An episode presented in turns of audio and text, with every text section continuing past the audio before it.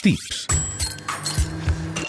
Gastronomia i cuina amb Paula Molés i Salvador García Arbós.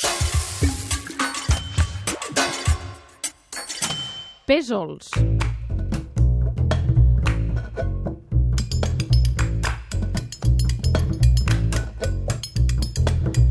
L'arribada de les faves i els pèsols al mercat havia marcat el començament de la primavera. Però avui no només el temps s'ha tornat boig. Hi ha restaurants que presumixen de fresquíssims pèsols primerencs ja abans de Nadal.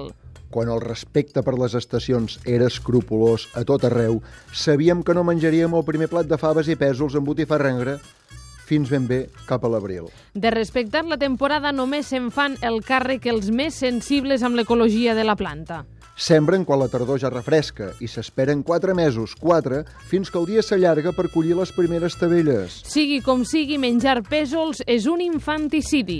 N'hi ha que pensa que encara és pitjor menjar la tabella immadura, els estirabecs. El tirabec, o pèsol caputxí, o pèsol fi, com diem al País Valencià, seria com un equivalent pèsoler de les bajoques o mongeta tendra. No cal recordar que pèsols i estirabecs no són llegums, encara són verdura. Clar, el pèsol és la llavor immadura d'una lleguminosa que arribaria a ser un llegum com tots els altres si se deixés madurar i assecar a dins de la tabella. De fet, al Berguedà conserven els pèsols negres.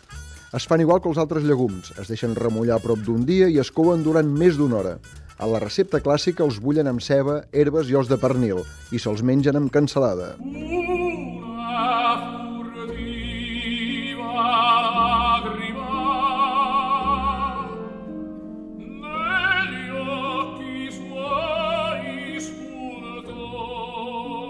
Un cop tastada la dolçor dels granets verds de la llavor fresca tot just oberta, s'escapa més d'una llàgrima.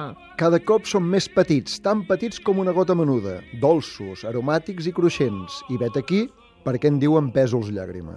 També hi ha els pèsols de la floreta, dolços, tendres i més petits que la majoria de varietats. Són famosos els del Maresme. I els de llavaneres encara més. Es poden menjar crus, escaldats i amanits amb oli, saltats amb mantega o amb pernil. Amb sèpia són boníssims. Amb vedella en resulta un plat extraordinari. Però ofegats, sols o amb favetes són una menja deliciosa.